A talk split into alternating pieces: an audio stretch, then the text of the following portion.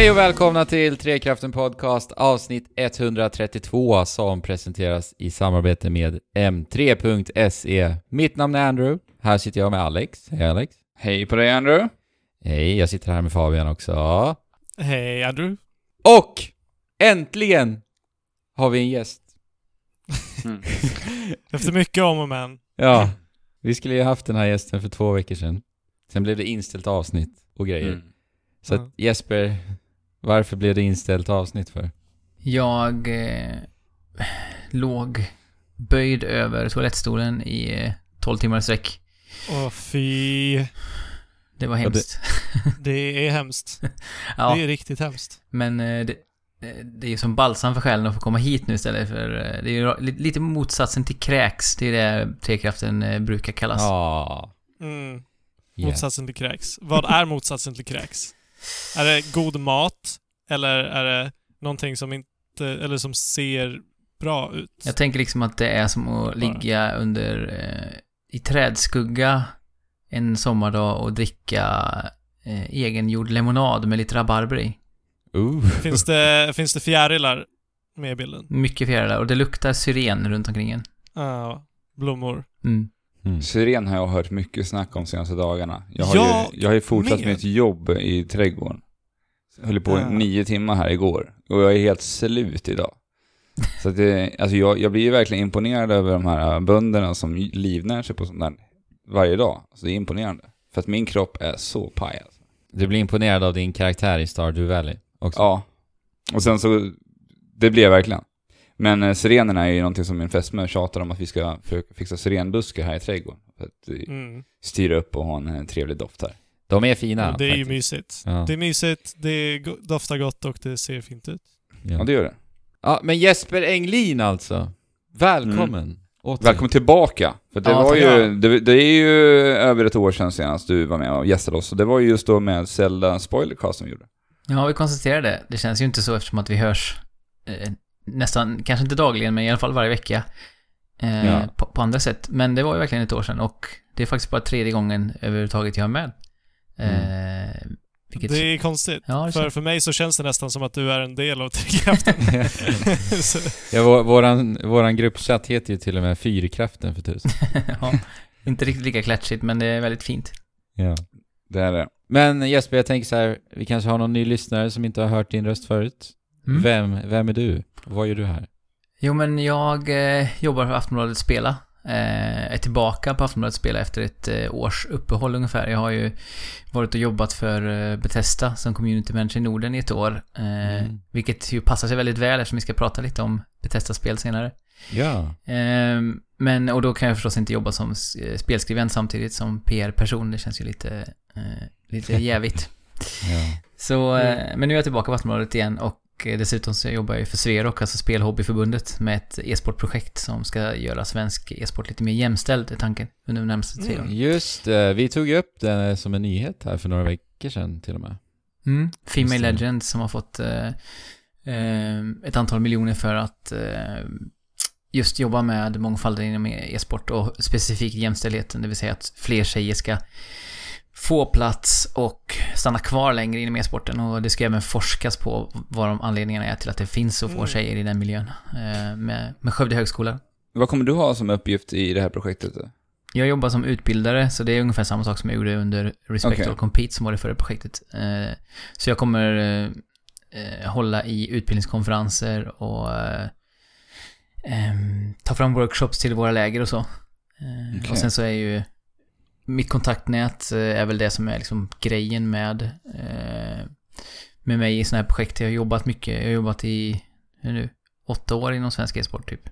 Mm. Eh, Så jag har fått träffat många människor under den perioden, så det är väl det jag kan bidra med också tror jag. Många, många nummer i telefonboken.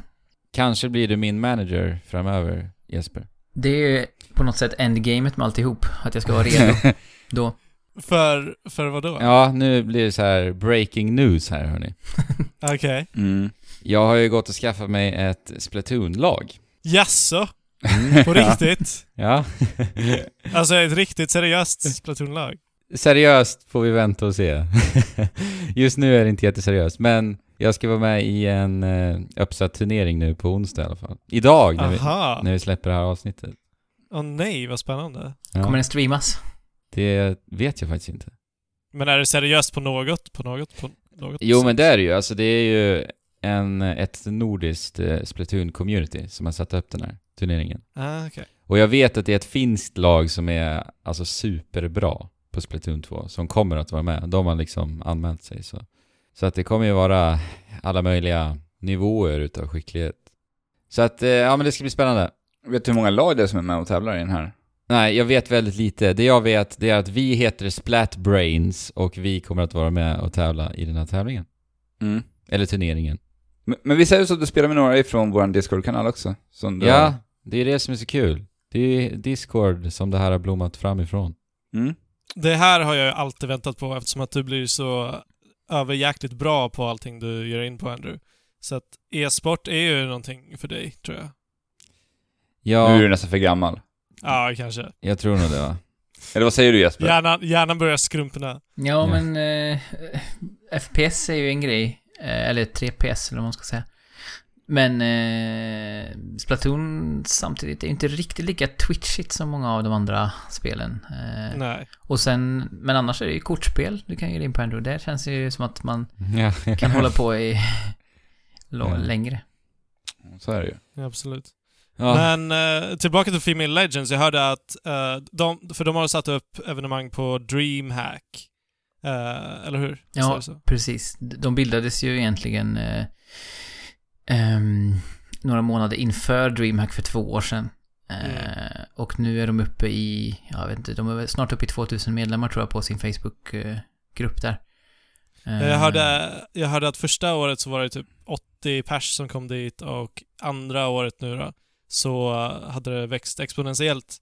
I alla Ja. fall, jag kommer inte ihåg siffran men... eh, Nej, men det gör det. Det växer ju, det har växt enormt mycket och de har ju rader för tjejer på, på DreamHack då. Eh, som, för tjejer som kanske inte normalt sett hade vågat åka dit själva. mm. Man får också låna utrustning av dem eh, genom Inet Mm. då som är vår huvudsponsor i, Ja, i projektet. Eh, och även de har styrt upp så att DreamHack har eh, instiftat en eh, köns... Eh, alltså en, en eh, separerad eh, sovsal för tjejer. Eh, Mm. vilket är Nice. säkert också ganska tryggt för många tjejer som eh, annars inte riktigt hade vågat ta sig dit. Så att de har gjort många bra grejer på väldigt kort tid och sen har de ju även ehm, håller de i regelbundna träningar för tjejlag i LOL till exempel. Och ja, hela tiden egentligen skapar event som ska låta fler tjejer kunna få plats och som sagt vilja stanna kvar inom e-sporten. Så att, ja, jag har ju följt föreningen på nära håll från dag ett och de gör ju verkligen ett fantastiskt jobb. Så det är kul att få vara en del av det lite mer på riktigt. Jag är ju faktiskt den enda mannen som har en Female Legends mailadress, vilket jag är väldigt stolt över. Ja. Riktigt gött att se att det börjar växa. Mm. Och förhoppningsvis så behövs det inte några sådana här initiativ om, ja, så fort som möjligt. Mm, nej, exakt så. Det säger ju alltid grundarna också. Lisa Lind och Lilly Klefelt heter de ju. Som är de som har dragit det stora lasset. De eh, säger ju alltid det om folk frågar. Speciellt om det är, det är ju väldigt, såklart väldigt mycket killar som eh, inte fattar grejen och blir prov- provocerade och så. Och då är ju deras kommentar alltid att säga, ja men vi håller med liksom. Vi tycker också att det är kast att det behövs. Men Mm. just nu är det en, ett verktyg som behövs för att kunna nå till dit vi vill. Det vill säga att vi inte gör skillnad mellan könen. Vilket är så här egentligen befängt när det gäller e-sport att på något sätt dela upp eh, mellan könen. Men som sagt, just nu är det ett, ett verktyg som eh, faktiskt behövs för att jämna ut spelfältet lite mer. Mm. Ja, precis. Jag såg ju här i veckan att eh, det ska ju starta en svensk elitserie inom Mm. e-sport. Mhm. Precis. Hiton. Det är Hiton. Ja, Hiton och. Potti. Mm. Det är ju lite häftigt. Ja, ja. Men, men jag tänker, då, då kanske de eh, ska prata lite med Female Legends och göra även en elitserie för kvinnliga spelare. Ja och där, Men- det finns ju en väldigt tydlig koppling där också. Eh, Potti sitter ju i Svenska e-sportförbundets styrelse. Liksom, eh, eh, ja nu tror jag Lisa avgår i och för sig från den, men ja. De har suttit i samma styrelse så de känner ju varandra eh, väl. Ja. Så att det finns ju verkligen kopplingar där och överhu- överhuvudtaget så Hiton eh, vi har ju pratat mycket liksom senaste åren om hur förbundet ska se ut och de frågorna som de vill driva eh, från till exempel Hiton och Pottis sida, de är ju väldigt intresserade av eh, till exempel ett eh, nationellt ligasystem som det de drar igång nu då. Eh, Ja, och kunna, kunna göra det på, liksom en struktur, på ett strukturerat sätt med, med ett förbund i ryggen. Eh, nu är ju inte det här kopplat till förbundet, i alla fall inte ännu, men i alla fall de här diskussionerna har varit länge, så det är kul att se att, att de drar igång det och eh, ja, Hiton är ju verkligen intresserad på riktigt av att göra e-sport till någonting som blir mer legitimt i samhället just för att många unga ska få stöd i en större utsträckning, vilket ju är verkligen min, eh, min ingång i det också. Sen har ju han lite större röst i med, med alla hans framgångar och hans, Mm. hans kändisskap inom e-sporten. Så det är väldigt skönt, men han är också medveten om att han och hans gäng så att säga inte har den bakgrunden av att strukturera saker som kanske då förbundet och, och Sverok och så har. Så det Mm. finns en väldigt bra synergi mellan de två tycker jag. Och där var lite oroligt innan, i alla fall från min sida, och tänkte sådär, men hur kommer, hur kommer det omfamnas av de som är lite mer creddiga så? Eh, just det här struktur- strukturerade. Men det är ju någonting som, som de omfamnar, vilket jag gillar väldigt mycket. Så ja, det känns väldigt bra så här inledningsvis. Ja, eller hur? Det känns ju väldigt bra. Bra Sverige, får man väl säga. Ja. Finns det någon annan, eh, något annat land som kör på en sån nationell liga inom e-sport? Oj, det var en jättebra fråga. Eh, Sydkorea har ju ett antal. Ja. Eh, Sen är det ju väldigt mycket drivet av eh, företag annars. Det är ju det som är grejen. Mm. Eh, nu, nu, är, nu är det förmodligen, jag, jag har faktiskt inte koll på detaljen här, men förmodligen så kanske det ligger eh, det bakom mig även i det här fallet. Men eh, till exempel ESL driver på mycket av det från Tyskland och så. Men jag, det, Ja. Elitserien känns ju mer som ett initiativ för att eh, driva, eh, vad ska man säga, mer föreningsnära e-sport än kanske många av de här hyperkommersialiserade. Eh, Mm. Så det känns ju som att det finns en, en fot i det, i det mer, vad ska vi säga, traditionsenliga svenska föreningstänket. Eh, nu, nu är det ju lite från höften i och med att vi inte sett vad det är, men jag tror att, att det finns goda chanser i alla fall att det är så. Jaha. Men eh, Jesper, du har ju faktiskt dragit igång någonting eh, nytt och spännande också. Ja, precis. Inte lika eh, maffigt kanske som, som elitserien i Mm. e-sport, men... Det är det eh, inte. Nej, men för mig... Men eh, det kanske alla blir. fall- Ja, och för mig har det varit något som jag har gått och tänkt på i många år egentligen och sen Nils, han är ju då fem år nu, fyller sex i, i slutet på sommaren här. Och han har ju börjat fråga... Ja, min son, precis. Han har ju börjat fråga nu de senaste par åren nästan faktiskt, eh, om inte vi ska göra eh, YouTube-filmer ihop, för att han eh, kollar ju mycket på YouTube liksom, som Mm. ja, börjar väldigt tidigt. Ehm, till och med Greta nu då, min dotter som är ett och ett halvt drygt, hon eh, säger ju redan uh, boop boop. Nej, gör de. Hon känner igen YouTube-loggan. Ja. Ehm, så att nu har vi faktiskt gjort slag i saken och startat YouTube-kanalen då. ehm, som eh, heter Jeppe Joy. Men det kanske är missvisande för den enda filmen som ligger ute hittills då är ju, den är väl knappt två veckor gammal nu, där jag och Nils besöker Bergsala och testar Labo och det är ju Nils tveklöst stjärnan i den, i den filmen. Ehm, och Mm. kommer kanske fortsätta vara det även framledes. Så att vi kanske får branda om den lite sen, när han eh, tar över kändisskapet. Jeppe Då- Joy och Nisse Nice. Precis. Nisse Nice och Greta Great och Epic Elin som är våra Ja, just det. nicks. Ni har ju såna fantastiska nicks Åh, i nej. familjen. Jag vill också vara del av er familj och ha ett coolt namn. Ja, vi kan adoptera dig. Snälla. Ja, Vad skulle han heta då? Fabulous Fabian? ja Ja, just det, såklart. Fabbe Fab. Fabbe Fab ja. Något. ja. En grym plan. Ja, det var ganska, ganska uppenbar. När du Mm. gästar, Yes. äh, gästar kanalen så, så går du under det nicket. Och så får du välja en Jajamän. intro-låt också. Nils fick ju, eh,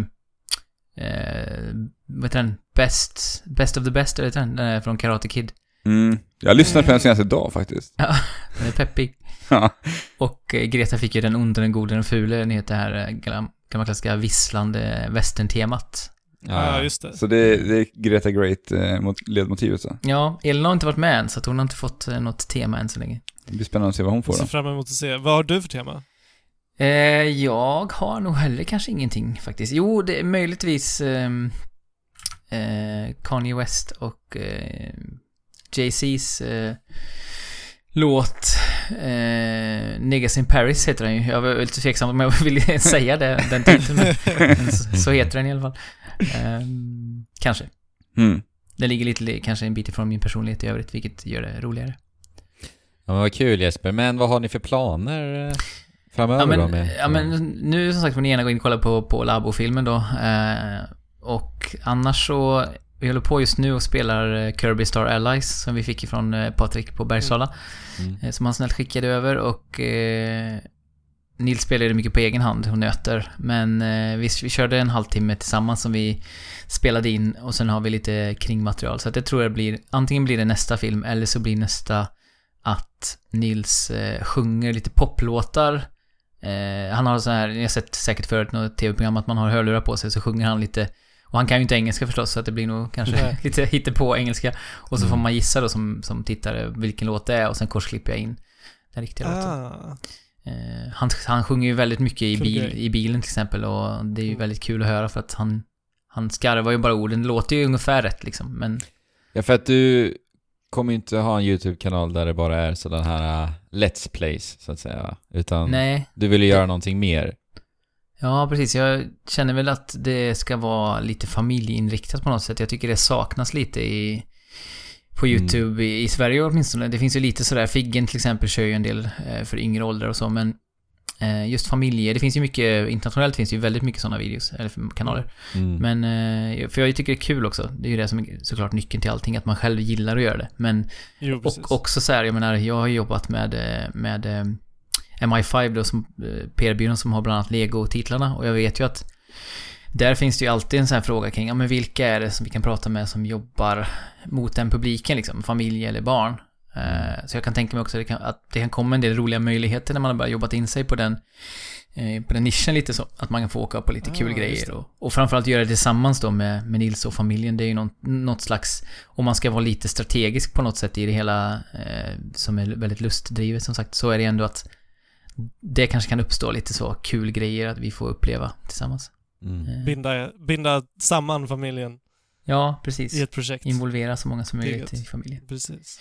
Så att, ja, och sen så eh, planerar jag också på att göra lite saker som så här, ja men hur man blir spelskribent kanske, eller hur det är att jobba på en stor spelutvecklare eller utgivare då, som Bethesda och lite sån här qa grejer också om folk är, är intresserade av det.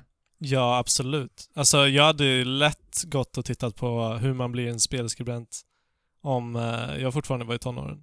Tänk att det finns många som ändå eh, strävar efter och den frågan uppstår ju nästan alltid när eh, poddar får frågor eller an- andra eh, liksom frågestunder med just etablerade spelskribenter så kommer det alltid upp så här, Mm. hur ska man göra för att? Och då tänkte jag man kan ge liksom tio tips för hur man faktiskt kan gå tillväga för att öka sina chanser. Ja, Mm. men det, det finns lite idéer, men det får ta sin tid också. Jag har ju liksom en miljon andra saker vid sidan alltid, förutom jobbet, så att det får, det får liksom bli det i det tempot som det blir och drivas av eh, att det är roligt mest. Mm. Mm, det låter hälsosamt. Men har, du nå- har ni någon tidsplan, liksom, hur, hur ni kommer lägga upp videos? Har ni satt att ni ska släppa en video i månaden eller en per vecka? Eller har ni något, tänkt någonting sånt? Så att, Ja, jag, jag tror att en i månaden är nog rimligt. Jag har faktiskt Ja. inte tänkt eh, någon exakt plan, men nu som sagt är det två veckor sedan senast och nu har jag lite nytt inspelat material och kan klippa när jag hinner, så att jag ska tro att man kan nog förvänta sig ungefär frekvensen en gång i månaden och sen mm. Mm. kanske det blir tätare så småningom om, om det beror också på vad, vad för saker som uppstår liksom. Vad, vad hittar vi på och vad, vilka spel kommer ut och, och så. Ja, Ja, kul att följa ska det bli. det ska bli superspännande. Det ser vi verkligen fram emot. Och Ja. Få se mer av den här fantastiska familjen med de fantastiska smeknamnen. ja. Och fantastiska Nils. Mm. Han Ja, är ju han- naturbegåvning bakom kameran. Han är ju väldigt eh, gullig och charmig Ja. förstås, tycker jag ju jag- det, men Jag, jag Ja, men tror det- ju att det är han som kommer att ta över din kanal, Jesper. Ja. Stora bruna ögon och långt, eh, långt ljust hår. Han har ju verkligen en, en look för kameran. In och titta hörni, vi kan länka eh, i beskrivningen till avsnittet. det tycker jag vi gör. till Jespers YouTube. Jesper, tanken var ju att när du skulle gästa oss här för två veckor sedan att vi skulle prata lite om Nintendo Labo ju. För att när vi pratade om Nintendo Labo då kom ju det ifrån perspektivet av, ja, vuxna män. Mm. Ja, eller att jag satt med min lillebror och eh, vek kartong. Precis. Mm. Fast vi är mycket äldre nu. Så jag, jag vill ändå veta lite Jesper hur du har haft det eh, med din son och Labo. Ja, man kan gå in på YouTube. Nej, men eh, eh, alltså, det, jag, vi var ju väldigt lika du och Andrew, i, som vi tenderar att vara ganska ofta men, med spel och så, men eh, i hur vi såg på Labo att eh, jag insåg ju snabbt att byggandet är ju det som är stjärnan i, i Labo, inte spelen, för de är ju, ja, det är Ja. ju tri triviala liksom, spel som, som går Ja. över väldigt fort. Men jag tror det var väldigt starkt det där just att få sätta ihop någonting själv som man sen faktiskt kan interagera med. Det var ju väldigt starkt för Nils. Eh, Mm. Och vi gjorde ju det när vi satt på tåget hem redan. Vi kunde inte hålla oss utan vi åkte från Göteborg till Falköping, vilket är en timmes resa ungefär. Ehm, då vek vi ihop den här lilla rollstyrda bilen, vilket ju bara tog 10 minuter kanske, någonting sånt. Eh, Just det. men, men att han liksom såg att så här, jag kan med switchen styra den här lilla eh, ja, bilen, eller vad man ska kalla det. Ehm, det var en väldigt häftig upplevelse för honom. Mm. Ehm, och så var det överlag. Sen så är det ju väldigt mycket vikande som tar väldigt lång tid. Eh, och jag hade ju tålamod första, när vi byggde motorcykeln första kvällen då, när vi kom hem. Så byggde vi ihop kanske halva motorcykeln och då visade jag verkligen hur man skulle göra och han fick vika allting och det, Men det tog ju väldigt lång tid liksom för honom. Det tar ju lång tid för mig också, men extra mycket Mm. för honom. Mm. Så, ehm, men jag var ändå imponerad över hur länge han satt och höll intresset. Eh, Just för det här, det fanns så stark vilja att få se resultatet vad det Ja. själv har byggt. Men hur funkade det rent, alltså jag tänker så handledningen på Nintendo Switchen, var du tvungen att eh, liksom hjälpa Nils eller klarade han det själv relativt bra på egen hand och så? Eh, det var väl lättast att jag skötte tempot i eh, när jag spolade fram och så. Men eh, han kunde ju se på eh, instruktionerna på skärmen och sen följa dem faktiskt. Mm. Eh, sen ibland fick jag ju så här visa, det var ju, ibland är det ju två flärpar som är väldigt lika varandra och nära varandra, vilken, vilket väck var det man skulle vika och så. Mm. Men har man, hade jag bara tålamod så, eh, så klarade han av det ganska bra på Mm. egen hand. Men jag tror ändå att för att göra det helt själv så är han ju lite i minsta, minsta laget. Jo, precis. Mm. Men, men just det där som sagt att få använda motorcykeln eller slänga i betet med fisken och, och så Mm. första gången framförallt då, när man har satt ihop den, det var ju verkligen en, en stark upplevelse som var också unik på många sätt. Ja, och liknade, liknade ganska mycket tyckte jag första gången man spelade Wii och, man märkte så här att det är faktiskt jag som gör de här bowlingrörelserna som karaktären gör på skärmen. Mm. Eh, Det liknade lite den. Och då, då var jag vuxen och hade inga, inga barn så att den, jag tror den, den liksom spänner över generationerna den känslan eh, Mm. ganska mycket. Och det är det som är så fint med Labo. Att det på något sätt för samman spelarna oavsett erfarenhetsnivå och Ja. ålder och så Precis. i den här glädjen. Mm. Men tror du att du levde, eller upplevde Labo genom Nils på, på något sätt? Eller skulle du vara lika fascinerad även om du var bara du? Nej, det, det gav ju en extra krydda tyckte jag, definitivt. Men, men det som är lite speciellt, eh, och som jag sa i vår podd också när jag och Amanda eh, Sten pratade om det, så är det ju att jag är ju så extremt ohändig. Alltså jag är liksom, eh, jag har ju nästan ett, en funktionsnedsättning när det gäller Ja. praktiska Tummen grejer. mitt i handen? Ja, alltså det räcker ju inte till liksom. Nej. Eh, jag, jag blir väldigt stressad också snabbt för att jag inte förstår saker och känner mig väldigt dum. Jag är ju extremt eh, teoretiskt inriktad liksom och estetiskt inriktad. Ehm, Hur är det med IKEA-möbler då? Nej, men det, det är ju liksom, jag klarar inte av det. Jag, jag, Nej. jag har skruvat ihop en hurts nu här när vi flyttade in hit. Eh, Och det gick ju faktiskt bra och det, var, det har jag ju verkligen så här varit stolt över länge att jag lyckats sätta ihop en hyfsat enkel IKEA-möbel liksom. Så att jag har ju verkligen... Det ska det vara. Jag har ju också, jag har ju också alltid varit så här väldigt ohändig av mig. Men jag har ju försökt liksom lära mig det under åren tillsammans med min fästmö. Försöka lära mig och bli bättre på det här. Mm. Det var en Och gång nu jag har du hus. Ja, nu har jag ju det. Alltså nu har jag ju möjligheter. Du kan ju börja bygga saker ute på tomten som, ändå, som, som förmodligen kommer se ut som ren dynga. Men eh, man måste ju Det börja kommer vara någonstans. din dynga. Ja, precis. Och jag kommer ju lära mig någonting utav det. Ja, men det, det är det som är lite intressant med Labo för att eh, då, jag följde instruktionerna extremt noga. Eh, sen ins- sen jag insett i efterhand att ja, men man ska ju vika alla de här vecken så jag kan lika gärna göra det utan att titta på varje veck för sig. Men, Mm. men ändå, det gav mig en väldigt trygghet i att faktiskt kunna göra rätt. Och när jag satte ihop de här sakerna så gav det mig eh, löjligt nog en väldig boost. För jag kände så här, åh vad kul, jag har faktiskt gjort det här själv. Eh, så att just för mig så finns det faktiskt ändå en väldigt stark eh, upplevelse i det också. Som också lett till att jag har gjort lite små saker här hemma nu. Om ni har lyssnat på, på vår podd så upprepar jag mig lite nu. Jag ber om ursäkt för det, men, men att kunna mm, eh, sätta upp lite prylar i, i vårt förråd för att förvara skidor och sådana saker som jag aldrig hade liksom dels planerat för hur ska vi göra det här och sen så utföra det. Så att det har faktiskt gett mig lite mer råg i ryggen. I morse så satte vi ihop en sån här Space Rail. Eh, det är liksom en liten elhiss upp och sen så är det så här långa banor som man det. kör så här stålkulor i. Eh, det var också lite hyfs, hyfsat avancerade instruktioner som jag... Eh, vi blev inte klara men jag lyckades liksom komma halvvägs och lösa det så att... Eh, sjukt nog så har faktiskt Labo också gett mig någon slags så här lite extra självförtroende i hur man faktiskt gör praktiska ehm, ting. Mm. Vilket känns som eh, oväntad eh, sidoeffekt. Det hade varit härligt att Okej. kunna ha Nintendo Labos lekfulla presentation i allting man bygger ihop. Mm, verkligen. Mm. Jag sa ju det, exakt samma sak som ni sa om det i podden. Att Ja. tänk om bara Ikea hade haft, bara copy-pasta det här rakt av. Då Ja. hade det ju varit hur lätt som helst och ganska roligt också att sätta ihop en IKEA-möbel. Det känns vi som att det hade varit en, en ganska enkel sak att göra för dem också. Ja. Bara en IKEA-app och sen bara scanna en streckkod på produkten. Sen så har man hela instruktionsboken där. Mm. Ja. Ja men också att de kanske kan göra det lite kul så, lite skojfriskt. Så att, Mm. så att det är liksom en aktivitet man faktiskt också kan göra i familjen, så att säga. Mm. Eftersom att IKEA-möbler oftast är väldigt, väldigt tråkigt att göra också. Ja. ja, det här är någonting som vi bör pitcha till ledningsnivå på, för IKEA tror jag. Ja, ja det är det faktiskt. De, de är ju faktiskt vi- ganska duktiga på att anamma just sådana här tekniska möjligheter. Mm. Jo, precis. Så Mm. att eh, kanske någon gång i framtiden. Eller så får Nintendo börja göra möbler. Ja, ja, Nintendo-möbler. Men, men, men en liten detalj som jag eh, faktiskt la märke till i efterhand med Nintendo Labo som jag tyckte var väldigt fin. Det är att det har ju egentligen lite utav en progression. Mm. Och då menar jag då att till exempel den första eh, lilla kontrollhållaren som man, som man viker ihop. Den existerar ju på en, en eh, sån här kartonghalva, eller kartongbit. Och på den kartongbiten så ser du ju andra saker att bygga.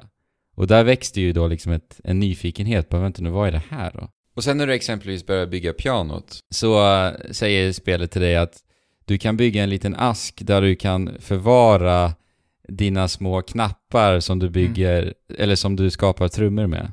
Och den, Mhm. och den asken är lokaliserad på en motorcykelkartongbit. Så då, Okej. så, så då blir det ju liksom så här.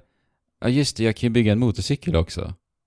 Så att spelet liksom Ah. skick, skickar iväg en till liksom alla olika delar av hela upplevelsen. Så jag tycker, som jag tyckte var väldigt snyggt gjort. Det håller ens intresse uppe hela tiden. Jag tror Discover-delen också ganska underutnyttjad av många. Eh, för där finns det ju som sagt väldigt mycket sådana här små grejer som att Mm. Ja men nu har du byggt motorcykeln och kört lite med den. Nu kan du bygga en scanner så du kan scanna in dina egna banor med. Ja men spelet skickar ju en även dit emellanåt också, även när du har byggt klart och sånt också. ja, jag skulle egentligen vilja djupdyka mer i garagedelen, just att programmera sina egna grejer. Och Nils är int- intresserad av det väldigt mycket också, men jag vet inte, jag har inte riktigt orkat slash hunnit sätta mig in i idén. Inte jag heller faktiskt. Eh, det, det ligger ju här faktiskt eh, under skrivbordet och roboten ligger nere i garderoben och väntar på att bli hopbyggd. Så det känns som att det vore häftigt. Det, jag, jag ska, någon gång ska jag testa den här roboten. Jag tror den skulle verkligen Ja. vara en höjdare för Nils. Men den tar ju enligt, enligt utsago 5-6 timmar att bygga ihop så jag får väl ha lite extra Är det så? tid. är det så lång tid? Den ser ju ut att vara väldigt enkel att bygga. Det är alla de här grejerna i Gör den ryggsäcken. verkligen det? Ja, alltså det är väl mycket, mycket i ryggsäcken då som händer. Ja. Men på tal om Labo, har ni sett den här... eh, De, Labo fick ju lite spotlight i hos eh, Jimmy Fallon. Mm. Mm. Där, Ja, det är eh, klart. där Fallons liveband The Roots tillsammans med Ariana Grande körde en låt med bara Labo-instrument. Har ni sett den allihopa? Ja. Nej, inte sett den. Det, det, det var ju det vi pratade om när vi, jag tror vi nämnde det när vi pratade om Labo, att vi kommer få se det här. Mm. Och så fick det synas tillsammans med ett så pass stort band. Det var riktigt häftigt att se. Bara Labo-instrument. Alltså ni, Men vadå, finns det fler Labo-instrument än pianot? nej men de har ju skapat med eh, Toy, Ah. Toycon Garage. Ja, Ah, okej. så då har de byggt egna instrument i den. Och så gör de en hel Jäklar. låt. Ja, det är jättehäftigt alltså. Coolt Alltså- ändå att Ariana Grande satt och satt ihop de här grejerna i, i garage själv. Ja, eller tror, tror ni verkligen att det var så det gick till? Det vore fantastiskt. Om det Mm. var så. Det vore fantastiskt. Ja, alltså när jag ser det där, då tänker jag hur tusan lyckas de hålla, hålla det tight? För att alltså, jag har ju försökt skriva lite musik i Nintendo Labo. Och det är svårt. Det är väldigt svårt. För att det är ju alltså lite fördröjning när man trycker, Okej. trycker ner tangenterna eh, på pianot. Det är jättesvårt till och med, för mig. För jag är, alltså jag har ju en väldigt, väldigt, väldigt bra taktkänsla. Eh, så jag känner ju av sånt där otroligt mycket. Jag blir jättekräsen. Så att det gick inte alls riktigt för mig faktiskt. Ja, då kanske du kan dementera att det här kanske är fake då, det som skedde på Jimmy Fallon. Ja. Det kan det, vara kan, riggat. det kan vara. Det kan Det vara kan riggat. Trekraften breaking news. Nej, nej, men jag antar väl att man kan lära sig fördröjningen lite. Men ja, jag vet inte. ja, Ska vi rulla vidare i programmet? det tycker jag vi gör. Prata lite om vad vi har spelat den gångna veckan. Jesper! Har du, Ja. spelat, har du spelat någonting den gångna Eh, veckan? Ja, det är mest Kirby Star Allies eh, och... Eh, vad heter det? Wii Party har vi spelat också. Jaha. Du spelar fortfarande det, det sa du. Jag tror Ja, det du var- nämnde det nu när du gästade oss första gången. Jag tror att det var Wii, Wii Party U vi körde då. Ja, just det, det var Eh, det. vi, vi vill gå tillbaka i, i tiden och un- undersöka rötterna i Wii Party nu. Eh, Det är så kul med Nils för att han gillar gamla spel, vilket jag är väldigt glad över. Han bryr sig inte om hur grafiken ser ut och så, utan Mm. om det är kul att spela så, så gillar han det. Och ehm, då beställde jag, eller jag köpte Wii Party för typ 15 spänn på Tradera. Eh, och han har varit jättepeppad på att det ska komma i posten och nu gjorde det det. Ehm, så det har vi kört. Och sen så i samband med det här, idag tror jag, i morse, vi kollade den här eh, Go Vacation-trailern som den har Just det. Jag hade tänkt att Eh. nämna den. ja. Och det är ju någon slags uppföljare på ehm, eh, Wii Sports Resort, verkar det som. Ja, Eh. för det är väl MIS till och med? Det Ja, det verkar så. Ja. Jag blev så här, undrar hur det kommer funka. Men, Ja. men eh, ja, så att eh, han gillar den typen av eh, att spela estetik. Så vi har kört mycket Wii Party minispelen. Han har ju youtubat sönder dem och önskat att han ska få spela dem. Och, så här. och det var väldigt många kul minispel faktiskt med i Wii Party. Eh, så det har vi Ja, gjort. roligt. Och, och sen har vi spelat eh, eh, Star Allies ihop som sagt. Eh, jag upplever Star Allies som att det har ett visst mekaniskt djup ändå, speciellt om man spelar med ett barn och det finns rätt mycket grejer man kan mixtra med vad Ja. gäller eh, förmågor och så. Precis, och alltså bara att utföra attackerna kan vara lite småkomplext för, för vad det är ändå. Precis, men vi, vi klarade av första bossen och någon bana till. Eh, och det var väldigt mysigt att spela ihop. Just det, en annan sak som jag faktiskt har spelat för första gången nästan någonsin är Minecraft. Eh. Jaså? på switchen då. Eh, vi har ju en Pro-controller och sen den här hundkontrollen då. Så att det funkar Mm. faktiskt väldigt, väldigt bra att spela på TVn. Det splittar ju då sk- eh, skärmen. Mm. Och sen så körde vi survival för första gången också. Vi har kört lite eh, creative förut, eller han framförallt, Nils har kört creative. Mm. Eh, nu körde vi survival första gången. Det var väldigt häftig känsla att bygga ihop det här huset. Eh, slå igen dörren innan zombien, den första zombien kom. Mm. Och se hans liksom eh, uppspela, alltså hur uppspelt han blev när man hörde de här zombiestönen utanför dörren. Mm. Han stod Mm. där inne och, och tryckte. Eh, så nu är det, nu har vi liksom byggt en, ett hus med ett glastak och vi har börjat utforska en grotta precis utanför och eh, Nils har inrett taket med lite sån här byggbord som man kan gå upp där och bygga om man vill också. Sti, sti, Mm. Titta ut över vidderna så att, och vi besteg ett berg precis det sista vi gjorde innan vi gick och la oss nu ikväll. Eh, så Vad mysigt det låter. Ja. Ja, men Minecraft är verkligen fantastiskt. Ja, det är... Hur du bara går från, från projekt till projekt och börjar bygga. Alltså herregud, jag blir eh, fortfarande nervös när, när jag hör zombie-ljuden, när man Mm. börjar ett nytt spel.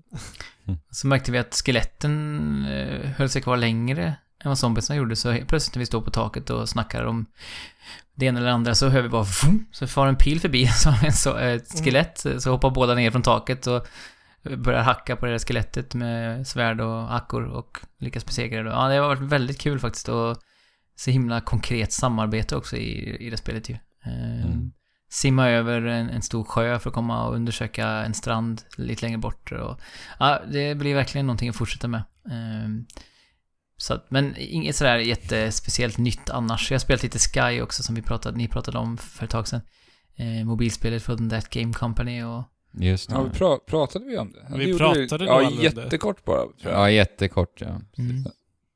Ja, Det har ju verkligen en journey-estetik, måste man säga. Det är ju väldigt likt i, Mm. i stuket. Men kontrollen är väl sist där kan jag tycka än så länge i, när man är på marken. Men sen efter 5-10 minuter i, in i, det är ju någon slags beta tror jag.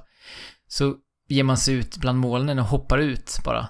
Eh, och där kommer ju spelet till sin rätt till fullo. För dels den mäktiga känslan av att hoppa ut och bli fri. Eh, men också hur bra responsiv kontrollen är när man sveper runt bland molnen. Eh, och sen så handlar ju hela spelet om eh, någon slags kärleksfull co-op-variant. Man kan ge varandra krafter, ge bort sina egna krafter för att ge till någon annan. Eh, och det träffade jag ju på flera stycken mänskliga spelare. Man stod vid något altare och gav bort eh, hjärtan då. Man, man typ high-five eller kramas.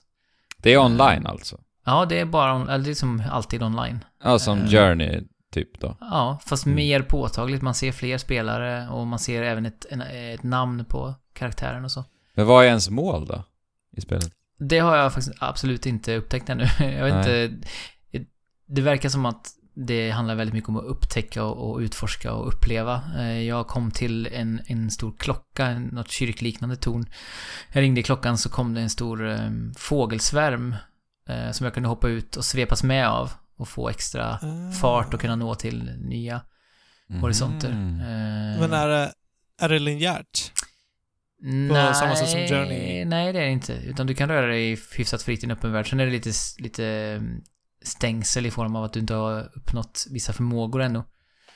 Ja. Men, eh, men jag upplevde det som ganska fritt. Och även ganska förvirrande faktiskt, vad man skulle Mm. göra. Men, men de upplevelser som jag hade, som det här med, med fåglarna och de andra män, mänskliga spelarna, de var väldigt härliga. Så att, Mm. kommer det, de, jag fick göra en poll efteråt också. Eh, som var väldigt så mycket så här, ja men var det tydligt vad man skulle göra? Hur var kontrollen och så? Så att de tar nog in väldigt mycket feedback på det och förhoppningsvis så slipar de till det. Så att man får lite mer strömlinjeformning i det, så tror jag det kan bli en eh, flower, flower-esk upplevelse, om än inte Journey, för Journey tror jag blir svår att, svårt att överträffa. Alltså, det här spelet är väl fortfarande bara släpp på iOS, vad jag vet. Mm. jag precis. undrar om de kommer släppa det på fler plattformar. Jag tror att det stod timed exclusive någonstans där, så att jag tror Mm. att det Ja, Men- Det är väldigt imponerande eh, rent grafiskt också för att vara på en iPhone. Det är det verkligen. Det, Det var, nog det, det var nog det vi pratade om egentligen, när vi Ja, pratade om... det, Ja. jag hann, jag hann eh, prata typ om kontrollen, vad jag tyckte om den. Ja, Jag, jag gillar ju den sådana saker där man kan sitta och spela spelet med en hand. på man kan mobilen. ja, alltså att man, när man justerar kameran med två fingrar genom att slida dem åt höger vänster. Och sen så kan man, duttar man bara med ena fingret för att få karaktären att hoppa i den Mm. riktningen man vill då. Jag hade ju faktiskt till och med en blogg eh, om detta. Eller jag hade ju en blogg på Press to Play för länge sedan och det var en av vigneterna där var, jag kommer inte ihåg vad den hette nu, men det var någonting, eh, i alla fall just att mobilspel man t- spelar med en hand. Mm. Också någonting som jag tycker väldigt mycket om för att det kräver ofta att de som utvecklar spelet gör en eh, innovativ och tight kontroll. Vet ni Mm. vad man... Då kan man äta en hamburgare med andra handen. Eller ett äpple. Just det. Och det var ju det, det var ju så Shigeru Miyamoto sa på scenen där, eh, när han gick upp eh, på Apples keynote och visade Super Mario Run. Mm. Ja, och du har ju spelat lite Nintendo, eller du, det kanske är flera som har gjort det. eh, Nintendo-relaterat. Ja, det är jag och Alex. Mm. Ja, det är det. Mest, mest du Alex. Det är ju ett spel som eh, vi har spelat tidigare också, som, som släpptes till Wii U Och Och- 3DS. och 3DS. Mm. Och spelet eh, vi pratar om är Hyrule Warriors Definitive Edition. Har du spelat detta Jesper? Nej, jag har sneglat väldigt nyfiket mot det många gånger. Jag har också kollat väldigt regelbundet ett tag på Tradera och, och ehm, vad heter det?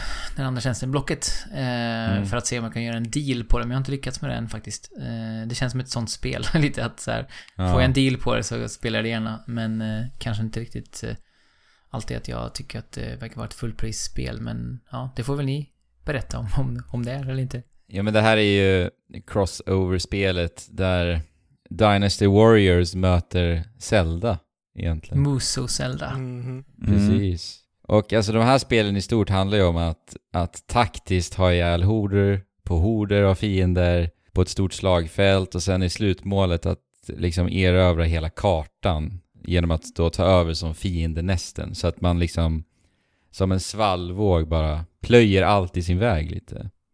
Och, Ja. och, så, och så gäller det att liksom hantera hela sin armé och mycket så här förstå och veta var du behövs allra mest och när lite. Eh, och sen så finns det mycket så här samlarobjekt som kan liksom ställa till det lite i dina val så att man ställer sig ofta frågan så här, kommer jag lyckas bege mig dit, hinna plocka det där för att sen liksom fortsätta på huvudspåret och, och så. För samlandet ge- ger dig såklart eh, bra förmåner och föremål eh, för din progression också. Och det gör ju att det blir så jäkla intensivt. Jag spelade Dragon Quest Heroes 2 var det väl va? Som släpptes förra året. Som jag recenserade för Aftonbladet. Ja, Ja, just det. Just det. Mm. Som också är ett Muso-spel i samma anda. Mm. Eh, och där tyckte jag att själva stridsmekaniken var ju rolig. Eh, det var ju så mycket kötta och mycket kraftfulla attacker. Men också karaktärerna, de gjordes ju av Akira Toriyama tror jag det är. Eh, som ju har gjort... ja, Dragon Ball. Ja, Och Chrono Trigger. ja.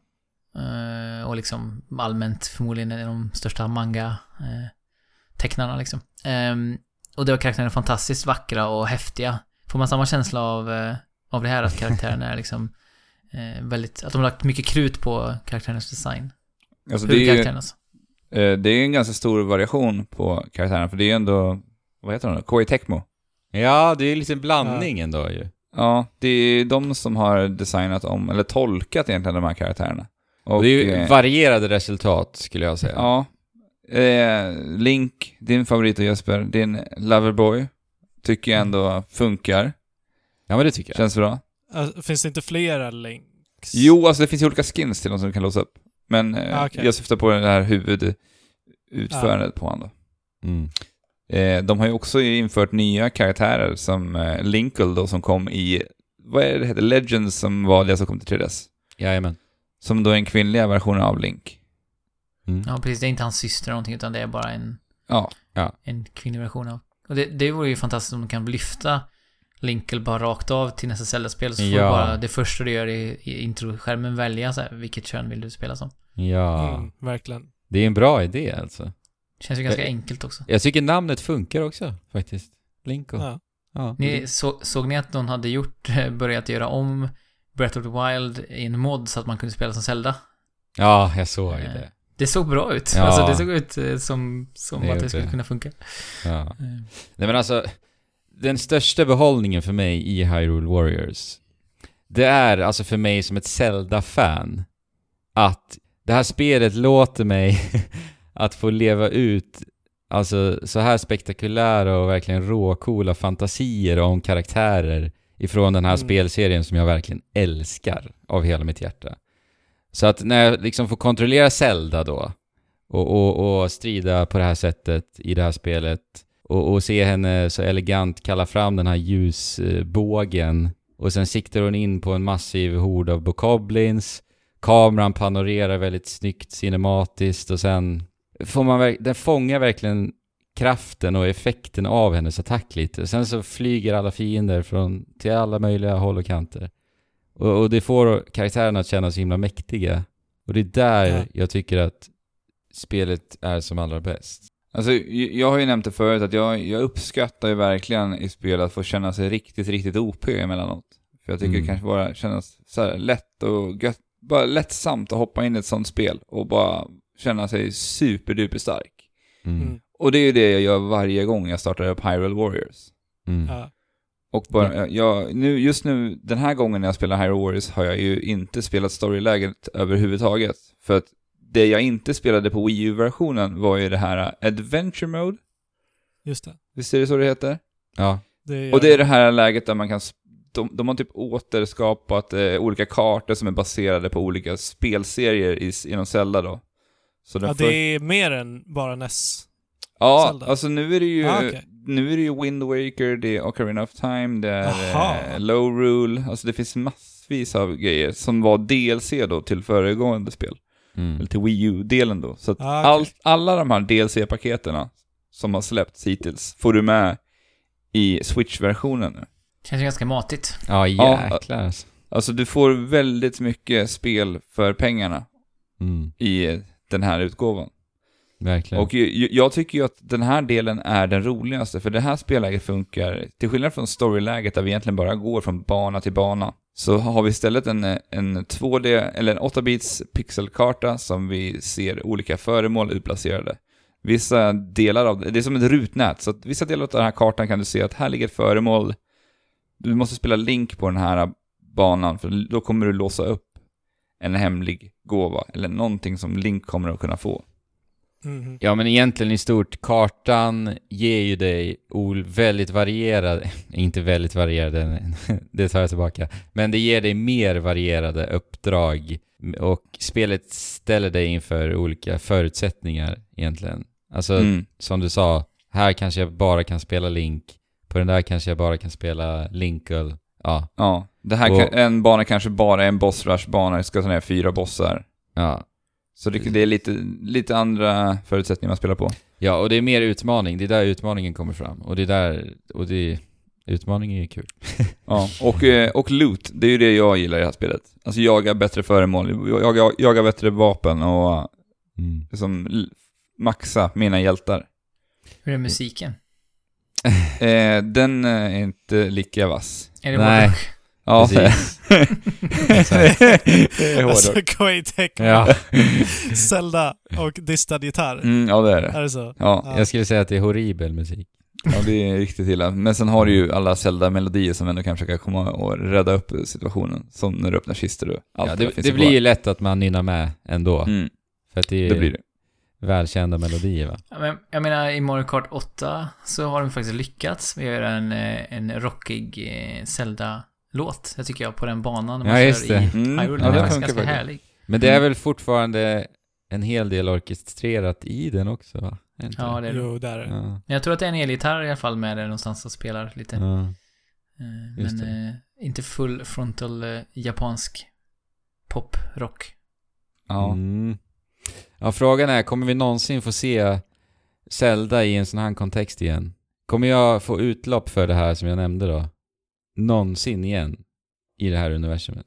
Tänk, tänk er ett, eh, ett Bayonetta-Zelda. Ja, precis. ja. Jag måste bara trycka på en, en sak som jag tycker varit väldigt bra i eh, den här versionen som eh, du Andrew sa till mig. För du har ju, du har ju spelat Legends-versionen också, eller du äger den i alla fall vet jag. ja, jag äger det. Trekraften är enad nu. Eh, men eh, det är det att man, man väljer ju två karaktärer som du tar med dig ut på slagfältet. Mm. Och i Wii U-versionen kunde du bara spela en. yes. Ah, men i den här det. versionen så kan du switcha mellan två stycken och det gör ju det lättare som Andrew Tack säger att lov. hålla koll på kartan och försöka ta dig runt på den här kartan. För att de rör sig liksom runt i realtid, de har två åt olika håll. Mm. Mm. Och det gör det ju lättare att säga, ja men jag kanske ska byta. Den här karaktären är bra mycket närmre till den här uh, commandern som skriker efter hjälp nu. Och lite mer varierat, för alltså det största problemet med egentligen alla musespel jag har spelat i alla fall, det är ju just det repetitiva. Det blir väldigt, väldigt repetitivt. Mm. Ja, verkligen. Och det här hjälper ju det- till lite där. Där tycker jag att det blir viktigt att, eh, för, för mi- mig så gör jag alltid så när jag har levlat upp mina karaktärer, att börja levla upp eh, deras attackskill så att de får nya attackmönster. Mm. För då får du lite mer variation, för annars är det typ så här, det trycker Y, Y, Y, B, Y, Y, Y, Y, Ja. Y, B, B, B, B, B, B. Ja men så, så är det liksom. Mm. Så att eh, det har jag kört på för att det ska bli lite roligare, roligare att titta på. Split screen funkar ju nu också ju. Eh, på Wii U så kunde man ju spela split screen, men då var det ju obligatoriskt att en spela på gamepaden. Ja. Jag kommer ihåg, vi var så sjukt taggade på det här, Ja, när, vi, när vi skulle testa det här. och det funkade så dåligt. Ja, det var riktigt illa. Men nu ska det tydligen funka bättre. Vi har inte provat det va, Alex? Nej, det har vi inte. Trevligt att eh, de har gjort någonting åt det i alla fall. För jag kan tänka mig ändå att det är ganska kul att spela det här split screen, co-op i Mm. soffan. Och Jesper, det kanske är någonting du och Nisse får göra, tänker jag. Ja, precis. Jag är, jag är ju lite eh, återhållsam när det gäller allt för mycket strider i spel Ja. från dem fortfarande. Så att, eh, men jag tror att vi suger på karamellen och kommer säkert spela det lite längre fram. Mm. Men på, på tal om co-op eh, så inser jag en annan sak som vi faktiskt har spelat. Vi, vi skaffade Lego, eh, Lego City, vad heter det? Eh, fem Undercover. Ah, undercover. Undercover, ja. Eh, där kunde man ju spela co-op på Switch-versionen. Men inte i Wii U-versionen, vilket var den vi köpte för den var så pass mycket billigare. Mm. Så det är lite synd. Ah, Men eh, ja, vi, Mm. tura, vi, vi turas om att spela istället. Funkar det också? Ja, det är det. Mm. Ja, jag tycker ju nog att Fire Emblem Warriors är ett bättre spel eh, i stort egentligen. Nu när jag ändå fått känna igen på Hyrule Warriors här. Eh, för det spelet har lite djupare och mer insupande system och då tänker jag ju främst på det här sten, sax, påse systemet. Och att det nästan blev lite Fire Emblem light i all, alla musostrider också. Det var ju det jag tyckte om med Fire Emblem Warriors. Alltså jag, jag tycker det har varit väldigt kul att hoppa tillbaka i det här spelet, för att jag la ifrån mig det här ganska snabbt efter att jag hade klarat storyläget på Wii U. Och egentligen med den anledningen av att jag inte orkar, som du och jag brukar prata om för man orkar inte sätta igång tvn och sätta sig ner och spela ett Nej. spel som är sådär halvbra liksom. Nej, verkligen. Men det är ju lite hjärndött liksom. Ja, Ja, men nu har jag ändå dragit igång det här och lagt mig ute i hammocken och spelat om kvällarna. Och det har varit trevligt. Det, Mm. det är så där jag vill, det är så här jag vill ha spelat Hyrule Warriors hela tiden. Mm. I hammocken, det låter ju otroligt bra. Ja, det är jättehärligt ju. Och nu kan jag göra det. Och det är bara att plocka upp och köra det här Adventure Life. Hoppa in och köra en match här och där. Och det räcker. Ja. Får känna sig sådär ultra stark. Det är väl fint. Så vill ni Ja. känna er ultrastarka i Zelda-universumet? Ja, ah, men då är det Hyrule Warriors. Är det något mer som har spelats denna vecka? Från, eh, från ert håll? Jag har inte hunnit spela någonting. Det är tentatider. Vi har spelat State of Decay 2. Har ni? Jag, jag och Alex båda återigen. två. Ja, Ja, vi har spelat State of Decay 2. Vi skulle faktiskt streama det här igår. just Vi det. kanske inte ska börja med det, det låter riktigt dåligt då. Alltså. Men det Ja. kan vi lika gärna göra. Vi kommer bli mycket snack om buggar när vi pratar State of Decay 2. Ja. Vi skulle streama igår. Microsoft Store ville inte samarbeta med mig. Det var en uppdatering som krävdes för att jag skulle starta spelet. Den uppdateringen ville inte laddas hem. Innan detta så ville inte Play Anywhere samarbeta heller. Alltså det här Microsoft-initiativet eh, där vi då kan spela alla Microsoft-exklusiva titlar både på Xbox och också på PC. Eh, sparfilen från mitt Xbox-spelande ville inte skickas över till PCn. Bara där blev jag ju väldigt, väldigt ledsen. Mm. Och, och sen så tänkte jag, ja, men jag startar Xboxen, ser om den är kvar på Xboxen. Det var den. Sen startade jag PCn igen och då ville den här uppdateringen laddas hem. Men det gick inte. Så det slutade med att vi inte streamade någonting Alex. Det var en stream där vi satt i en timme och 20 minuter. Och bara, bara. snacka. Bara snackade. Mm. Så kan man göra också. Ja. Men eh, State of Decay 2, det är ju som ni hör då en uppföljare på ett spel som heter State of Decay. Ja. eh, det är inte jättemånga som har hört talas om det här. Det var ett spel som hamnade lite i skuggan eh, när det väl släpptes. Jag får Mm. det släpptes typ i slutet där på 360-eran. Ja, tre, ja, ja, det var någon Jag har för mig att det var ganska i slutet där. Eh, State of Decay är, som man nästan kan gissa till namnet, att det, det är ett zombiespel. Zombie survival-spel. Ja. Och eh, då tänker ni, jaha, då är det här som vilket eh, survival-spel som helst. Men, eh, ja, det tänker jag. eller hur? Men eh, det har faktiskt ett annat fokus än eh, liknande spel. Det här, I det här spelet så handlar det snarare om att du kastas in i den här eh, zombie-infekterade spelvärlden Mm. och eh, kommer snart bege dig till eh, ett hus där du ska börja etablera ett samhälle. Ja, som en Med hemmabas liksom. Mm. Med hjälp av andra överlevare. Och alla de här karaktärerna som, eh, som du möter är också slumpmässigt genererade. De, Okej. eh, de har olika förmågor, de har olika personligheter. Och de här Mm. personligheterna kan också bidra till olika skills i vad de gör och hur de agerar, hur de är. Och det känns inte som att de är väldigt dåligt skrivna av den anledningens skull. Alltså, Som du ofta kan göra när saker och ting Jo, Jo, alltså, jo. det, är ju. Alltså, så här, röstskådespelet och storyn och allting är ju inte så värst eh, jättebra. Nej. Alltså röstskådespelet är skrattretande. Det är... Alltså det kan vara det värsta jag har hört. Oj. Men jag tycker ändå att det här är en av de mer intressanta grejerna med State of Decay. Att så här, det handlar i huvudsakligen om liksom, resurshanterandet och byggandet av den här basen. Men det låter coolt. Och utnyttjandet av dina karaktärers olika förmågor och skills, vad de är bra på, så här, för att du ska kunna förse dina, dina invånare med mat, så gäller det att hitta en person som är duktig på matlagning, som kan Ja. agera Ah, kock ja. till exempel. Och det kan vara så att du Åh, inte har en kock i basen vid start. Så då gäller det att du beger dig ut i den här äh, zombie-infekterade världen, letar rätt på någon överlevare, försöker rekrytera den här personen till Mm. basen som då kan agera kock. Shit. Och, och sen är det ju alltid det här äh, valet och kvalet i att, ja men ska jag rekrytera en till? Det är en mun mer att eh, fylla liksom. Så här. Ja. Det är alltid det här också, resurserna tickar ju ner ständigt. Mm. För vi har ju lite olika valutor vi samlar på. Det är byggmaterial, det är medicin, det är mat, vad är det mer? Det är eh, Vapen, am- utrustning. ammunition. Ja. Så att det, det finns mycket goda idéer och tankar med spelet. Sen... Men det du sa där Alex, jag vill bara säga. Mm, Alltså, det kan ju uppstå situationer där man kan tänka sig att oj, det här blir ju verkligen ett tufft val för mig. Här ställs jag inför ett väldigt tufft val. Och mm, då tänker jag ju på att om man då träffar en sån här ensam stackars överlevare och så kikar man på dennes förmågor och så tittar man, nej fast det här kommer nog inte gynna mig och mitt, min, mitt samhälle, min hemmabas. mm, Och då blir det att jag kanske blir tvungen att lämna henne ut, där ute i det vilda. Ja, det är ju hemskt. Det är ju hemskt. Problemet är att jag känner mig aldrig, dessvärre, liksom känslomässigt insupen i den här spelvärlden. Alltså, jag, Ja, jag, det, är bara, det är bara siffror för dig. det exakt, det är bara siffror. Jag bryr mig inte överhuvudtaget om karaktärerna. För alltså det är ju så otroligt platt och jättetrist estetik tycker jag verkligen. Och, och som sagt, röstskådespelet bidrar ju där också. Det är lite synd, för det hade kunnat vara en eh, unik nerv faktiskt.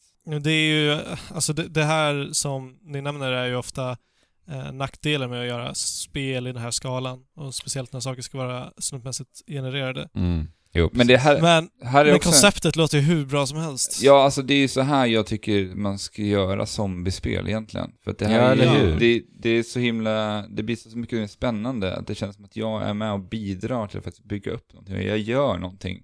Mm. Än att bara springa runt och slakta zombies. Ja men det handlar ju verkligen om att överleva och det känns ju också genom spelet. Att det faktiskt Ja. bara är det som är fokuset. Men alltså jag, jag håller med, jag gillar konceptet och det finns jättemycket spännande, intressanta, djupa system. Det är otroligt mycket lager på allting. Och det finns ju någonting väldigt beroendeframkallande och tillfredsställande att se alla de här siffrorna, all statistik till slut liksom lägga sig på en, på en hälsosam nivå Mm. efter att man liksom har kämpat väldigt mycket. Men Ja, problem... sen ser jag, sen ser jag liksom att moralen stiger bland folket Ja. som bor hemma. För att du ska också se till att de har det bra och mår bra. Precis. För Och att det, man som hände med. mig innan jag, innan jag bjöd in Andrew till min eh, stad, för att det kan vi berätta sen hur det funkar. Ja, vi tar det sen. Vi tar det sen. Eh, nej men det, det som hände innan det var att eh, maten började ta slut. Folk i min, eh, hemma hos mig började bli sura och griniga, så de började slåss. Mm. Och sen så Så som man skadade gör när man är hungrig. Så att, i axeln. Så att då, då måste man se Okej. till att ha en, liksom en eh, sjukstuga där. Ja. Så att de, de kan pyssla om dem. ja. Så jag kunde inte spela med den, eller jag kan ju spela med den karaktären, men den kommer ju halta omkring och ha ont i axeln hela tiden.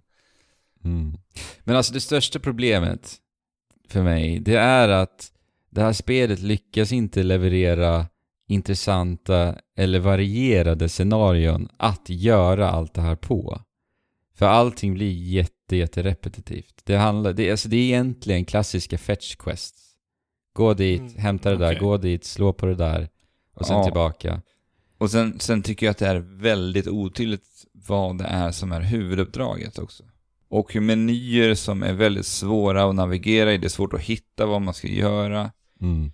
Jag och Andrew spelade tillsammans med Angelica Norgren på Peter Spel och eh, hon fick ju tipsa oss och berätta om eh, hur det här spelet fungerar och vi fick ju lära oss en hel del då. Ja, Mycket så här, hon aha, hade ju... aha, aha. Ja. Som en sån liten dum grej att om ditt vapen är trasigt så kan inte du ha det vapnet på dig och reparera det. Utan det du måste göra är att gå och lägga det här vapnet i din storage box. Sen ska du leta upp det här vapnet i lådan.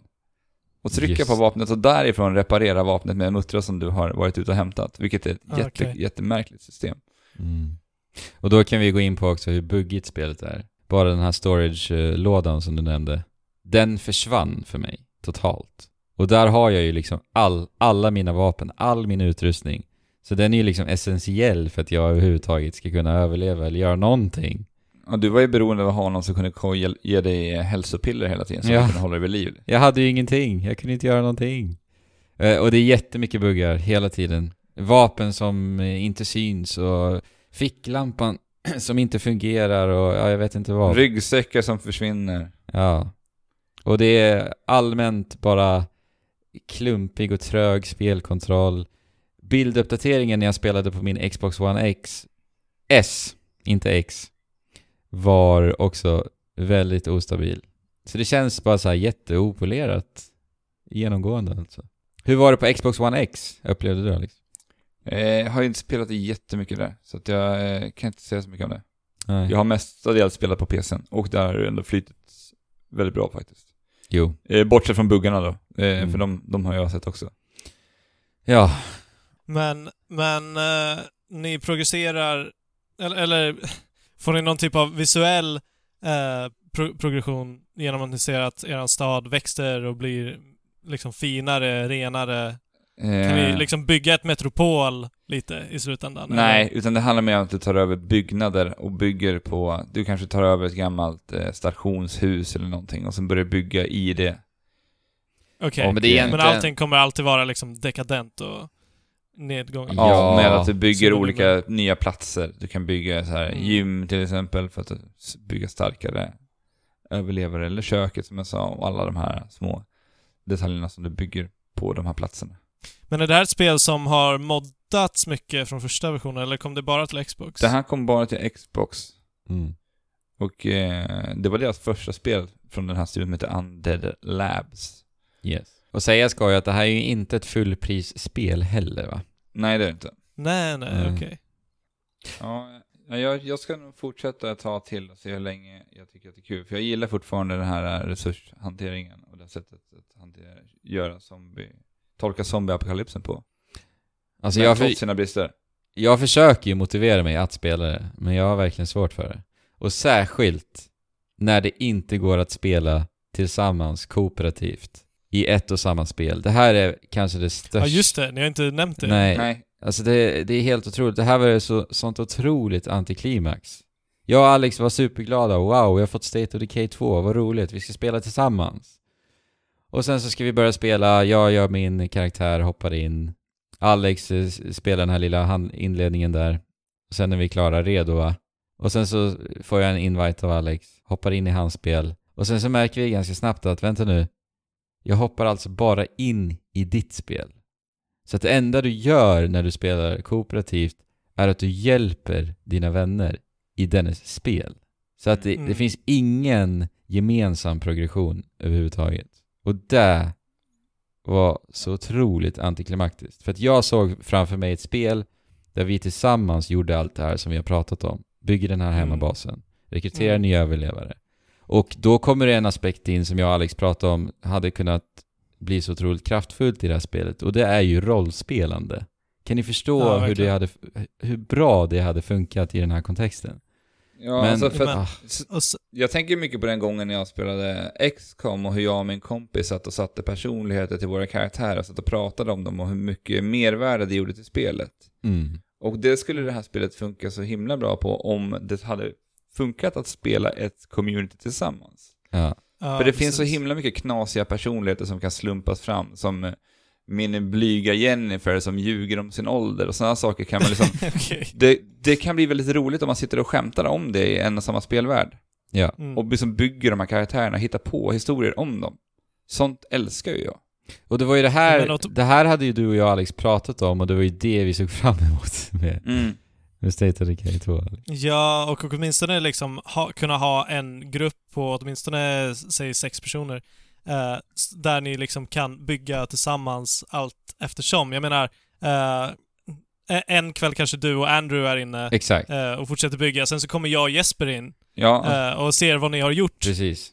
att den ska liksom leva lite i, leva i realtid. I, för Eller i det- alla fall leva så, så länge någon spelar. Ja, för den gör, det gör ju lite det spelet. Alltså, det här, alla de här communities som man startar, de här platserna, de lever ju hela tiden. De jobbar ju och sköter sig själv. Liksom. Det är det som är Ja, poängen, ja, att okej. man ska få det självförsörjande. Och, Men det gör ju inte det när du inte spelar.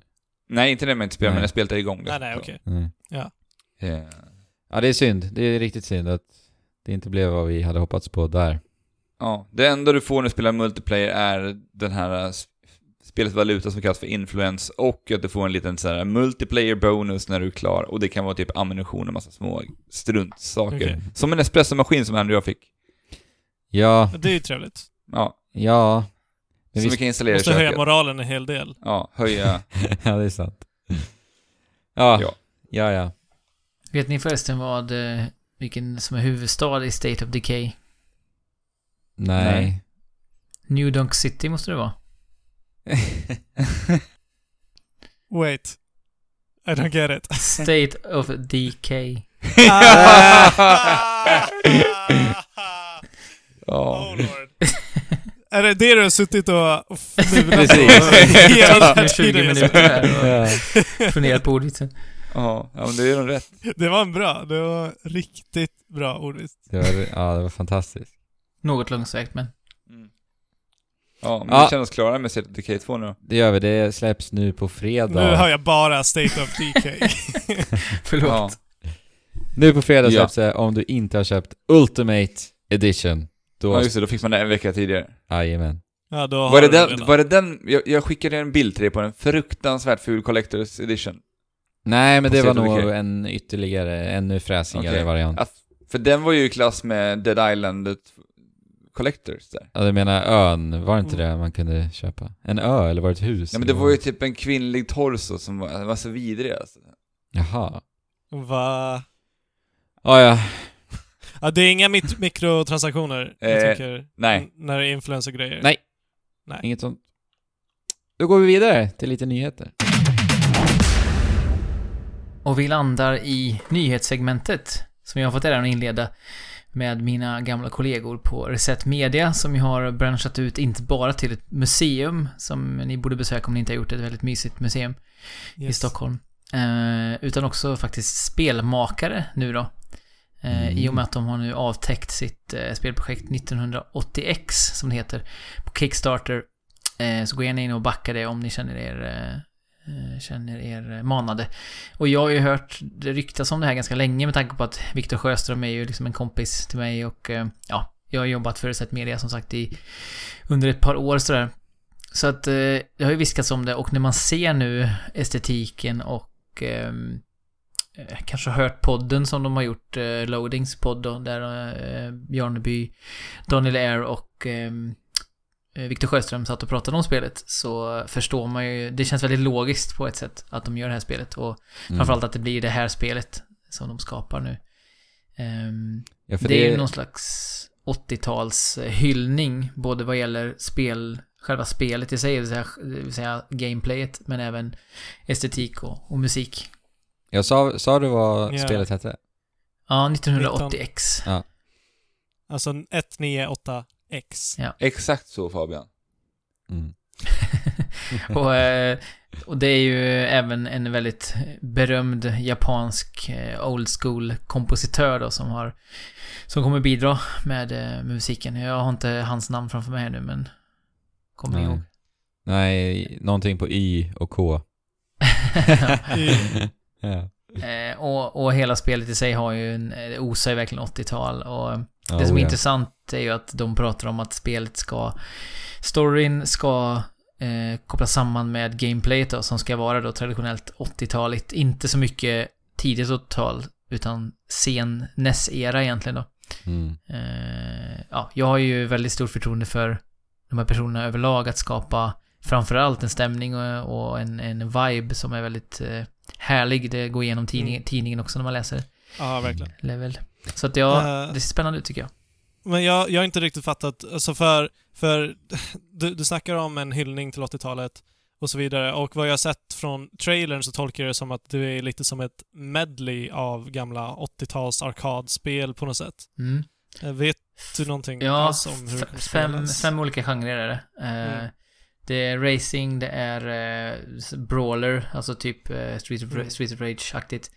Det är ninja-spel. Shoot shoot, shoot them ups. Ja, precis. Och sen så är det ett Dungeon Crawler-spel, eh, Ja. ett RPG-aktigt. Det är ju det som kanske inte går lika mycket in i resten av estetiken, men det säger de också att det finns en logisk förklaring till varför det finns med. Eh, Att allting är väldigt tätt knutet till storyn och hur karaktären utvecklas över tid genom spelen. Så att det är jag väldigt nyfiken eh, över att se hur just den kopplingen mellan spel och, och story. Eh, för det är ju någonting som jag verkligen tycker om i både typ Journey och eh, Brothers och andra spel. Mm. Men kommer det spelas liksom linjärt, att du spelar en genre, sen går du till nästa, eller är det lite blandat genom hela? Eller det är ingenting som ingen vet? Nej, jag tror inte folk pratade om det. nej. det. Det lät väl mer som att man spelade ett spel i taget i en linjär Mm. ordning så. Men eh, det är mer min tolkning av det de har sagt än ett, ett faktiskt faktum. Väldigt fin grafik har de lyckats få ihop här. Mm. I alla fall. Ja, Pix, pixelerat. och de jobbar tydligen med olika konstnärer för varje spel också i princip. Så att de kan ju Mm. säkert maxa, krama ut liksom maxa av varje person förmodligen. Det ska bli riktigt, riktigt spännande att se vad det blir. Alltså. Mm. Kika, in, kika, kika in på Kickstarter om ni, är, om ni är intresserade. Jag tror att de Jag såg är... att det är även, eh, jag såg att det även Kotaku lyfte upp där Ja, just det. Så det på också. sin, på sin sida. Så det är ju coolt. Ja, det tycker de ju själva också, vilket är kul. De är ju fortfarande liksom eh, lite så här att de tittar på utvecklarna med, med stora ögon liksom och lite en viss naivitet kvar fortfarande, vilket jag älskar. Mm. Och jag Mm. använder naivitet som ett positivt eh, uttryck alltid. Jo. Ehm, och det är väldigt fint att se att de själva tycker att vad häftigt det är att få liksom se att andra plockar upp det här och skriver om det och Mm. att vårt spel får synas. Och det, det tror jag också kan vara en styrka för spelet, att den här barnsliga kärleken för spel fortfarande finns kvar hos dem väldigt Verkligen. starkt. De har väldigt snart nått målet. Jag tror de var uppe på 500 000 i målet. Jag tror de var uppe på 485 när jag kollade idag. Ja. Härligt att bli, verkar det bli, ja bli av då. verkligen. På tal om att bli av. Ett spel som man kanske absolut inte trodde skulle bli av. Eh, eller, folk på utsidan trodde inte att det skulle bli av. Eh, jag har ju som sagt lurkat omkring i Bethesda kvarteret det senaste året här. Ja. Eh, och kan, eh, kanadensiska Walmart läckte då att Rage 2 kommer att eh, utannonseras under E3 och eh, det gjorde ju då Bethesda lite tidigare för att eh, eh, förekomma lite och eh, de har ju under hela den här kampanjen visat, det har ju varit en ganska kort kampanj så här långt, men visat en väldigt så här flexibilitet. De skojar ju Ja. väldigt mycket om så här eh, när läckan kom så var det en rolig tweet från, från Bethesda, eller från, Ja, från kontot då, att så här fel boxart, det får ni göra om, eh, fel titel och det var så här, vi gick in och rättade Walmart. Ehm, så att, Men så det var, så det var planerat att visas på E3 från första början? jag tror det var det som, eh, som Walmart, eh, eh, liksom att eh, det var det som framkom där. Jag, kul. jag, ska, jag ska inte svära på, eller jag vet inte ens om jag får säga hur det förhåller sig faktiskt, men Ja. Ehm, men roligt liksom, och jag har ju varit med hela, eh, hela liksom, arken här då. Jag, jag kanske fick reda på, på Rage 2 någon gång i vintras eller så. Ja. Det, det var den Eh. gången när du hade något jätteviktigt möte. Och sen så sa du till mig att jag, jag får inte säga något, det är jättehemligt. ja men det var en av de grejerna. Vi, vi var ju i, i London och hade Ja, en, en workshop med så här, Commodore för Bethesda och då var Rage 2 en av sakerna vi, vi, vi fick, eh, fick reda på då. Ehm, Och eh, ja, Insanity Rules är ju liksom taglinen för det. jag tycker det Och ser jag- bra ut. Ja, det har ju fått ganska bra omdömen måste man säga. eh, Mm. Från, för gameplay-trailern Precis. inte minst. Kanske, Mm. kanske att den första trailern med eh, live action delade ås- åsikterna lite mera, men, Mm. eh, men det verkar som att det finns en väldigt så här, tydlig medveten, det finns en distans till sig själva i tonen i det här också. Mhm. Ehm, Ja, det är ju men ja. det är lite kul. Det är lite som Borderlands, eller hur? Ja, det kommer Alltså jag, skulle, jag skulle säga, de, vi skulle säga också att det här utvecklas i ett samarbete med eh, Avalanche också. Mm. Eh, Precis. Avalanche. Och Avalanche gjorde ju senast eh, med Max. Eller har släppt något efter det? Ja, det har de. Det är det som är lite kul alltså, för att det här går ju lite För- i Mad Max-anda får man väl ändå säga. Ja, det är det. Det känns ju som en id-tolkning av Mad Max. Ja. Precis, så, så på det sättet så känns det ju, det är ju det som många har sagt att så här, okej, vi får se liksom eh, tekniken som Avalanche har i övrigt och sen gifta sig med id-tech.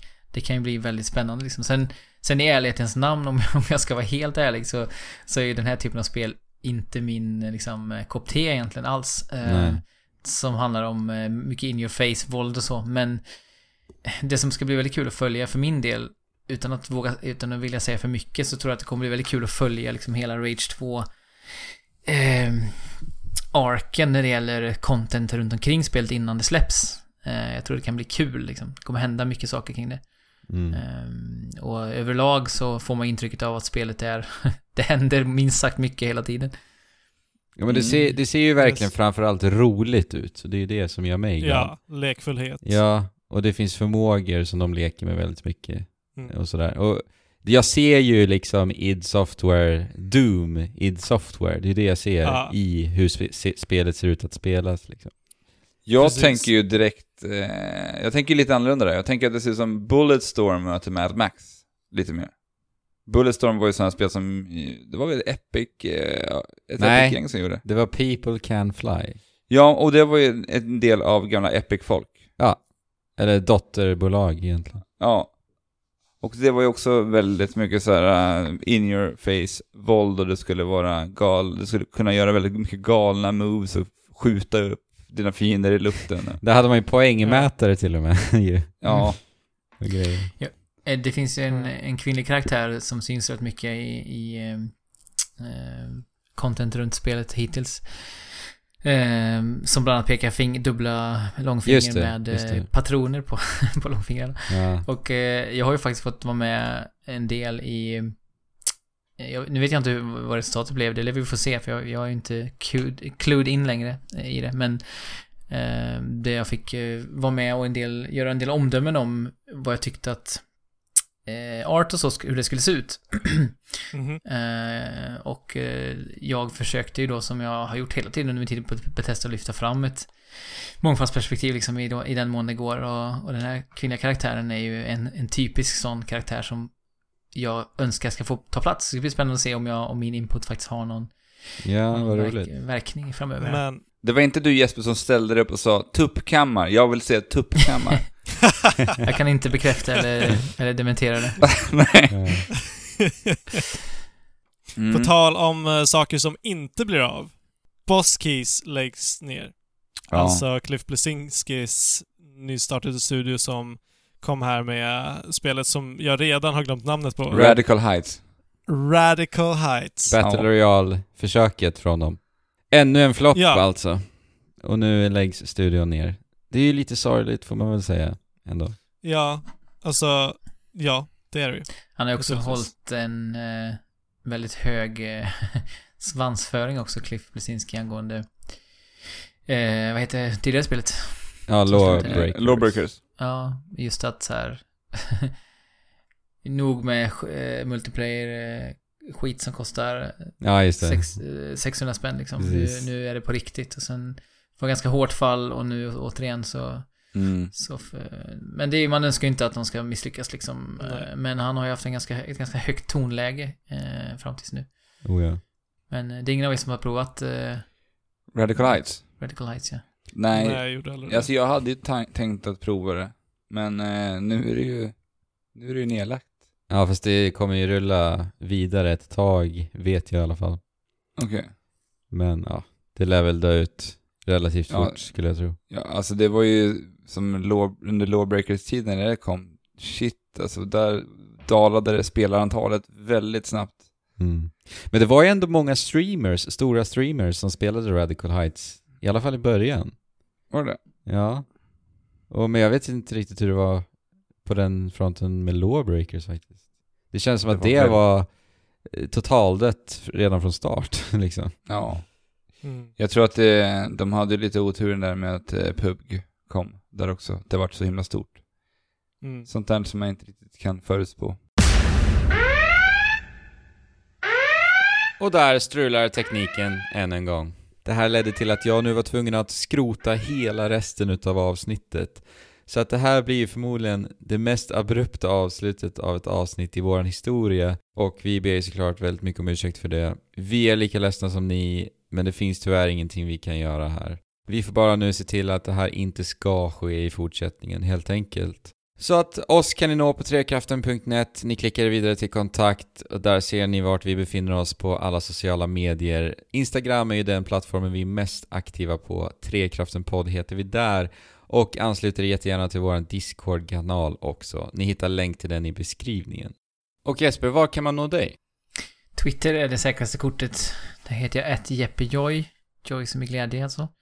Och eh, där hittar ni också länken till eh, YouTube-kanalen. Eh, annars kan ni alltid söka på YouTube eh, att, eh, ja, antingen på Jeppejoy eller typ eh, besöker Bergsala och testa Labo så hittar ni. Ni kanske också om ni har lust eh, länkar det i, i avsnittsbeskrivningen. Men Twitter som sagt är väl det säkraste kortet att springa på mig. Så med det sagt allihopa, spela på och Chip! Tjola! Hopp!